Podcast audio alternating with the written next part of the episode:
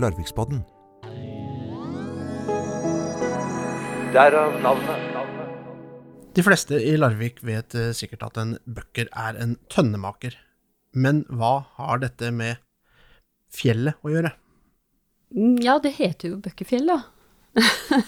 og eh, bøkkeren, ja, han Det heter seg at det er bøkkeren Mikkel Christensen som har gitt navnet til fjellet, og han kan jo ha vært en av flere. Det, dette her var jo et område for eh, arbeidere, småhåndverkere, bøkkere, garvere litt lenger borte, sånn at det er, eh, det er nok innafor å kalle det Bøkkefjellet. Ja, Så det var ikke sånn at det var en, en veldig spesiell bøkker som gjorde noe så vakent at eh, han fikk et helt fjell oppkalt etter seg? Nei, men det, det var det nok ikke. Men det er veldig typisk i Larvik at en gate eller et sted blir kalt opp etter en person som vi i dag ikke aner hvem er. Ja, Men hva, hva het det før det het Bøkkefjellet? Nei, det har jeg ikke hørt noe om. Eh, men eh, det er et viktig sted fordi den første bygrensen, som da Gyldenløve trakk i 1692, den gikk over Bøkkefjellet. Så det har, det har vært et landmerke og et spesielt sted i Larvik bestandig.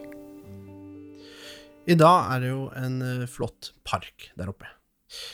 Men hvilke funksjoner har Bøkkefjellet hatt tidligere? Ja, flere. Det eh, har vært et sted for eh, militær, en militær vaktpost. Men jeg tror det, det som de fleste kjenner Bøkkefjellet for, det er jo det som det er i dag. Altså med brannvaktstårnet. Det lille hvite tårnet som, eh, som ligger der oppe. Eh, og det er jo et sted hvor man hadde oversikt over hele Storgata, hele området, og kunne, hvor vekteren som da kom med vekterstaven sin, kunne gå opp og skue utover eh, byen. Og der sto brannkanonen, og der var brannvaktstårnet. Eh, og var det brann, så ble det skutt med kanonen. Og da ble det jo ropt og kalt utover hele byen. Eh, Men det brannvaktstårnet har ikke stått der bestandig. Det kan du kanskje ta med. da. At Hvis man ser på den fløyelen, den som står oppå taket der, så står det 1842. Fordi det tårnet ble da flyttet fra, for oss som er lokalkjente, der hvor restauranten Bedehuset ligger i dag, borte ved herregården. Der sto egentlig da byens brannkanon og dette tårnet. Men så heter det seg sånn, da, at vekteren som sto der inne en kveld, så hørte han en stemme, det kom et hvitt spøkelse som sa 'Du skal ikke stå her lenger'. Hvorpå han besvimte og ble båret hjem til vekterhuset sitt på Karlsrønningen og døde selvfølgelig morgenen etter. Og da ble brannvakttårnet flyttet til Bøkkefjellet.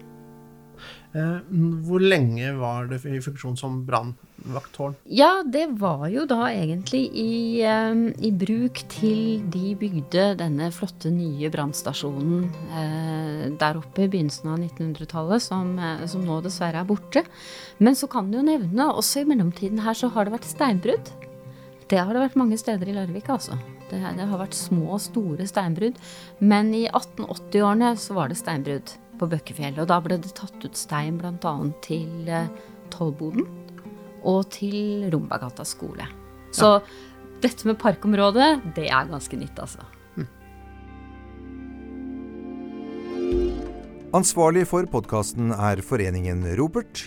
Og du hørte Kjetil Wold i samtale med konservator Aina Aske fra Larvik museum. Opptak og lyddesign Geir Atle Johnsen. Følg oss gjerne på Facebook, Larvikspodden Ropert eller Vi350. Du finner også Larvikspodden på Instagram. Produsent Virvel AS.